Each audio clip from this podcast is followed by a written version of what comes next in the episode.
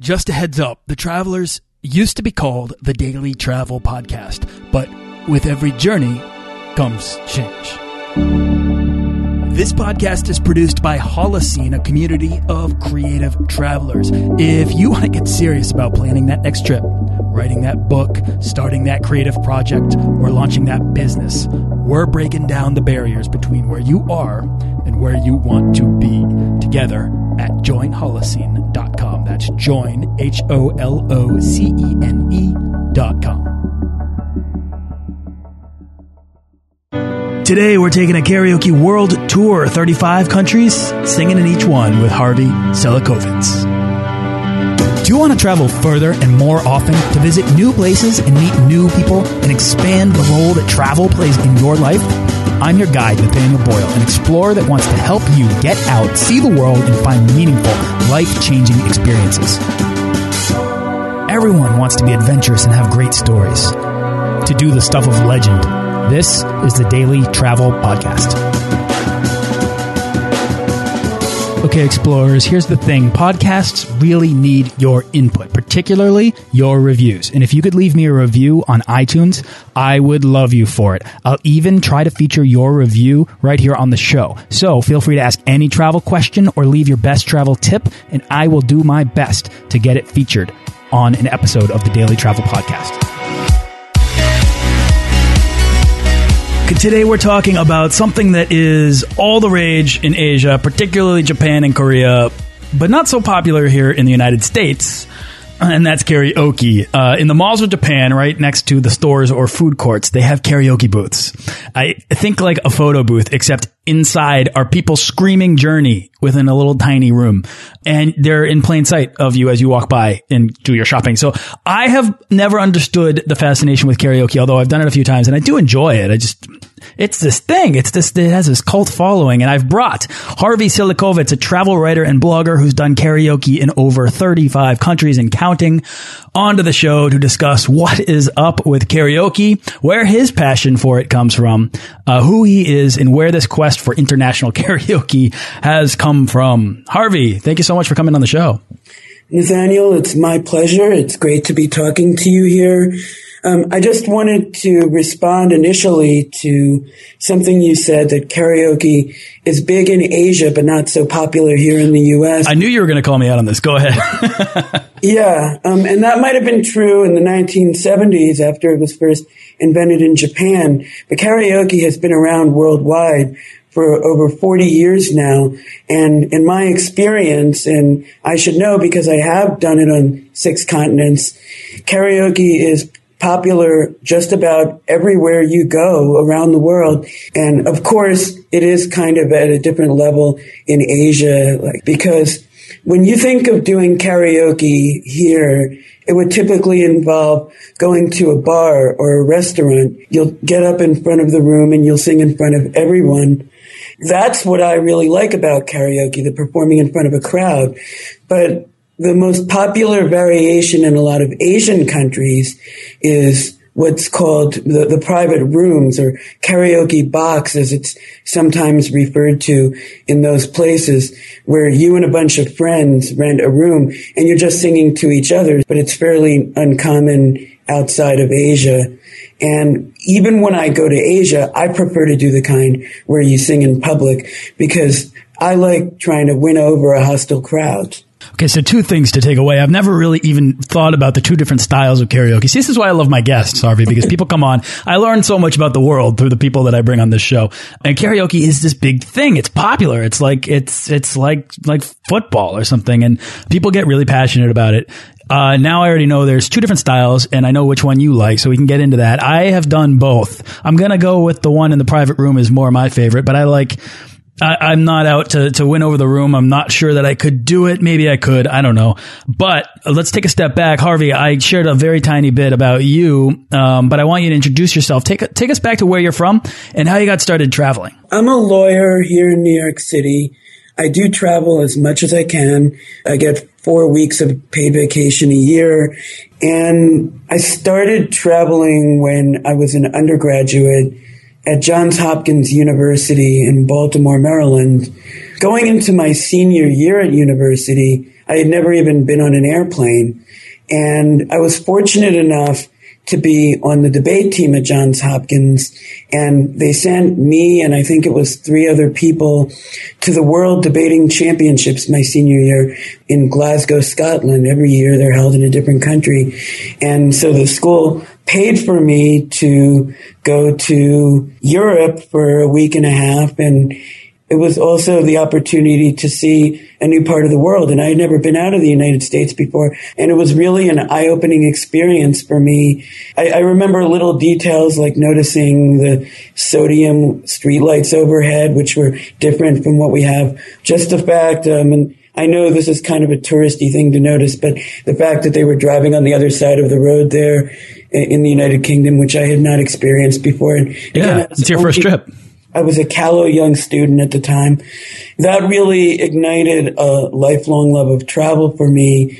When I got out of law school, I was trapped in a horrible job for a long time where I was underpaid and overworked. And it was while I was on a two and a half week trip to Europe that I made the decision that I was going to finally quit that job because I decided if I could overcome the challenges that I had to overcome during that trip, and they're the types of challenges that can arise on anyone's travels, like getting lost and having to be at the airport an hour later for a flight after I returned my rental car, that sort of thing.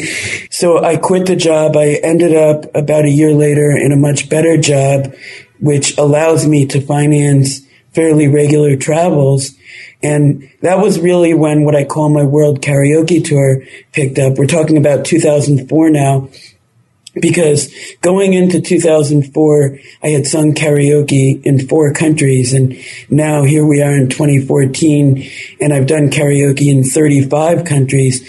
And next week, Thanksgiving weekend, Italy by way of Rome is going to become country number 36. Wow. 36 countries to do karaoke, but it's a quest now. I mean, I assume you are on, you are on a mission to do it in as many countries as you want. Do you have a, a big number in mind or is this just something that is progressing as you go? I think it's more progressing as I go. Getting to 25 seemed big at the time, and I do want to make it at least to 50. The other major incremental goal beyond what I've done so far is that I've been fortunate to do karaoke in, on six continents so far. And the one that I haven't been to yet is probably the obvious one, Antarctica, which it, it's a whole other level. Just to get there is really hard and expensive because you can't take a commercial flight. There's no hotels there. I do believe that there is a place where I could sing in Antarctica. Um, really? In a, in a, restaurant or in a bar or somewhere you, you well, could bring something to hook up? Well, no, I have rules for my tour. It has to be at a place that has a regularly scheduled karaoke night. That's amazing. Oh, that's good because that adds a layer of authenticity to the experience. I guess you could sort of say that. Um, that goes along with there being a regular crowd there to sing in front of. In Antarctica, the U.S. research base called McMurdo Station, it's a little community where the scientists from the U.S. live. But on that research base, I understand that there's a bar, I think it's called Gallagher's, that has karaoke every other week. So I would love to find a way to get down there somehow. Harvey, if they have karaoke in, in Antarctica, then I am vastly underrating its popularity. You are absolutely right. um, one thing I want to pull out from your initial trip, your uh, trip over to the UK, is that it, it, even though you know you list these things that were um, challenges at the time. And, and like you said, they were pretty simple, like just getting to a plane or getting your baggage or, or navigating uh, a city that's foreign to you. The, the fact that the little things could change your belief in yourself. They redefined what you believed was manageable in terms of these challenges so that you could go back and you could get yourself unstuck from the position that you were in and find yourself in a much better position that's uh, afforded you this opportunity to go out and pursue this quest of karaoke or even, even beyond that, the ability to go out and travel the world and experience, you know, 35 more countries, 36 more countries. I think that's really great. And that's kind of the point of travel is that it does help you to redefine your limits, what you believe them to be and help you to find the, the better or best version of yourself. Oh, I completely agree with that. It, it really tests your problem solving skills and often in a context where you really are on your own. You can't depend on anyone else because your usual support system, if you're based somewhere regularly, like most travelers are, they're thousands of miles away and maybe there it's a time zone that's 12 hours different and they might be asleep even if you could reach them. So you have to get out of your predicament. You have to solve your problems. When you do that, I think it really does give you more confidence. And travel really was for you, and I know it was for me, and I know it has been for a lot of my guests, but it seemed to be for you the thing that gave you that initial boost of confidence to take that first step. Yeah, and especially at a time when I was beaten down in a bad job, it, it gave me the confidence to believe in myself again and to think if I can handle these challenges when I'm thousands of miles away from home in a place where very few people even speak my language, then I can certainly handle the the rigors of quitting my job and trying to find a better job back home. Those things seemed much more manageable once I had solved problems on the road. You're still a lawyer today, right? I've been at my current firm for over nine years now. Wow. And it's a job that I ended up with after I finally got the courage to quit the horrible job during the epiphany that I had when I was going through Europe in 2004. So it sounds like you're in a much happier place if you stayed there for nine years and you've had the ability to travel to 35 countries. A much happier place. I'm also fortunate that I'm with a group of people that are really smart and interesting and fun to work with. And they're supportive of my outside interests. So if you're feeling, if you're listening to this and you're feeling stuck in your job or in your career, I mean, travel is really one of the best ways to sort of dislodge yourself, get yourself unstuck, find uh, confidence or purpose in in your day to day, so that you can kind of come back and make a more informed decision about what exactly you should do uh, in your home life to support a desire to travel more. I'm guessing that's what you have if you listen to this show. Let's talk about your karaoke experience. Of 35 countries, what's the, and I'm going to ask probably the question you get all the time, but what's the most unexpected place that you've ever pulled off karaoke in? Oh, that's easy. That would be Easter Island. Following your rules, you're telling me that there's somewhere on Easter Island that has regularly scheduled karaoke? Yes. Uh, you, you, know, I am I sorry not, to karaoke enthusiasts. I have underrated this. I have to say, I totally did not expect to find it there. Normally, before I go to a destination, I will research possible places to sing weeks or months beforehand. I didn't do that research at all for Easter Island because I thought it would be a waste of my time. So I get there. It's just me and the tour guide and it's like 40 year old Volkswagen bus. and I look out of the corner of my eye from the passenger seat and there's a sign in front of one of the hotels like karaoke Thursday nights or something like that. And I made the, the tour guide pull over and we got out of the van and went inside to the proprietor and confirmed that they were in fact going to have karaoke the next day, which was the Thursday night. And so it was combined with traditional Rapa Nui dancing I did, in fact, involuntarily participate on that. It was one of those things where they pull the tourist up on stage and they force you to embarrass yourself with the dancing. Um, and yes, I've been there. Well, e- even though I have no problem getting in front of a room of strangers to do karaoke, I am embarrassed if I'm asked to dance in front of them. we so, all have our limits. We all have our limits. Your love of karaoke pers- uh, uh, uh resulted in you experiencing something new that was outside of your comfort zone and gave you uh, I mean I'm not sure if you if you would agree with this and I'll let you confirm it right now but it gave you a cultural experience. And even if even if you were kind of maybe doing a touristy dance up on stage the fact is you got out of your comfort zone. You did something that you didn't enjoy doing but you have a great story to tell. The the biggest takeaway that I want to pull out of this interview with you Harvey is that um, I think a lot of people that want to travel or want to find adventure might hesitate to do so, or maybe even people who aren't sure where to go or aren't sure how to find that right experience, or they don't want to get out of the comfort zone. By pursuing something that you are passionate about, that you have an interest in, you don't even have to be passionate about it. You just have to have an interest in it. Something that you like. Let that guide your decisions as to where you go. Do those things. And then the stories that come from those things that's where you find new interests. That's where you find unexpected stories. Those are the stories that you're going to take home. The karaoke right now and the stories that you're telling, Harvey, the karaoke is like a framework for really cool travel experiences that you've had. I, what I really like about that is that even though the karaoke is kind of, it's always different, you're having these life changing moments on the road simply because you're out looking for karaoke and everything that happens along with it. That's the story. I'm very passionate about history and architecture. I'll plan a trip around seeing something like the Great Wall of China, which I'm scheduled to get to in May 2015. Then the question becomes, okay, where can I find karaoke here? But by the same token, just the ability to see what's beautiful and interesting in this world is in itself an important goal that animates my travels. I love that. Harvey, this is the part of the show where we're going to boil down the how and the why of travel into pragmatic advice. So I'm going to give you a series of questions and you're going to give me your best travel tips. How's that sound? I'll do my best. I'm not sure that I'm an expert on all of those things. Like I'm a terrible budget traveler in particular. all right. Well, we're going to get your best tip and we'll, and then I'll judge if it's how good it is. No, I'm kidding. I'm just kidding. For a lot of people taking the first step out the door, that can be the hardest part of travel. What's your advice for anybody dreaming to take that first step be to becoming a world traveler like yourself? Well, maybe you should start out with a, a place that's less challenging and, and see how that goes for you a small step outside of your comfort zone will yeah. make the second step much easier to take. Harvey, here comes a budget travel question. the biggest hurdle for most people who want to travel more is cost. Do you have a secret money saving tip or a travel hack? International travel doesn't have to be super expensive. You can find budget airlines that are super cheap, especially in Asia.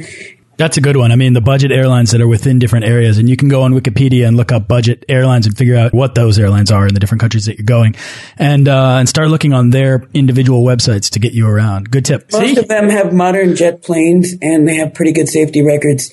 Do you have a favorite piece of travel gear that you take everywhere you go? I can't go anywhere without my Kindle. It's great to be able to take a library of dozens of books wherever I go in the world. Harvey, what's your worst travel mishap? Well, that would probably be the time when I was in Mexico City and a cab driver robbed me of some money and my smartphone and left me in the middle of nowhere in Mexico City at about 2 a.m. on a Saturday night. That would scare me so badly. What happened? I just hailed a cab on the street, which I later learned was a really stupid thing to do in Mexico City. And in fact, the U.S. Embassy does not let their employees hail cabs because there's too many rogue cab drivers. And so I get into what was probably a rogue taxi. Cab drivers started asking me some question that had the word hacienda in it, which I think means house. Yep. I thought maybe he was asking me for the name of my hotel, so I'm yelling out Hampton Inn, but um, he keeps saying hacienda, and I don't know what's going on here. He pulls off the freeway and brings the cab to a stop. All of a sudden, he starts uttering the word credenciales. And I said, no comprendo. Does he doubt that I have the means to pay for my journey? So I did another really dumb thing. I showed him the Mexican peso banknotes that I had in my wallet, which he helped himself to. He then grabbed my smartphone. And I'm just really scared because he's asking me to get out of the cab and I don't know where I am. I'm in this really big city, but in a very secluded part of that city. Um, and he, he drives off and I don't know how I'm going to get back to my hotel and it's two o'clock in the morning. And obviously it worked out because I'm here talking to you now, but that was a really scary night. Yeah, that's pretty intense. Harvey, last question of the round. What's the weirdest thing you've ever eaten? That, interestingly enough, happened right here in New York City. I had scorpion and mealworms on crackers at an Explorers Club event here in New York. Uh, you know, there's a lot of weird stuff going around New York. It's a perfectly fine place to go and have some of the weirdest, if not, you know, probably all of the weird foods, but you don't expect to hear about scorpions and mealworms in New York City ever. Well, this is the Explorers Club, which is a, a group of the most intrepid adventurers in the world. And I was lucky enough to be invited to an event that was being held there and they have a chef on the staff who makes what they call alternative food for their functions. And given the chance to dine on Scorpion. I was a little antsy, but I gave in to the peer pressure and I went for it. I love it. Uh, all right, Harvey, is there anything else that you'd like to share about travel before we wrap up? Um, I have a blog where I keep track of my world karaoke tour and my other travel adventures, such as the ones that I've discussed with you here. Yes. And where can people then go to find out more about you? Well, the website is called H Bombs Worldwide Karaoke. H Bomb is the name that I sing under during my World Karaoke Tour. I love so, it. H Bombs Worldwide Karaoke, and that's at hbombkaraoke.com. Awesome. Harvey, thank you so much for coming on the show and teaching me a thing or two about karaoke, but also anybody listening and myself a reminder that pursuing the things that you love is a great way to find amazing, life changing experiences. Uh, you're very welcome, but I also hope that people will learn from my experience in Mexico City, which I was very lucky that, that that did not go worse than it did. And don't do stupid things when you're traveling, and make sure that you research the safety concerns in the area before you go somewhere. Uh, I don't want to give people the idea that the world is a horribly dangerous place, but wherever you are, whether it's in your hometown or 5,000 miles away, just take sensible precautions and try not to get too drunk, especially when you're traveling alone, and use good judgment. Sage advice from 35 countries. Thanks so much, Harvey. Thank you. Thanks for listening to this episode of the Daily Travel Podcast. For show notes and links to everything in this episode and more, head on over to dailytravelpodcast.com. Join our Facebook page of explorers and subscribe to our newsletter for the best deals and resources to help make your next trip life changing.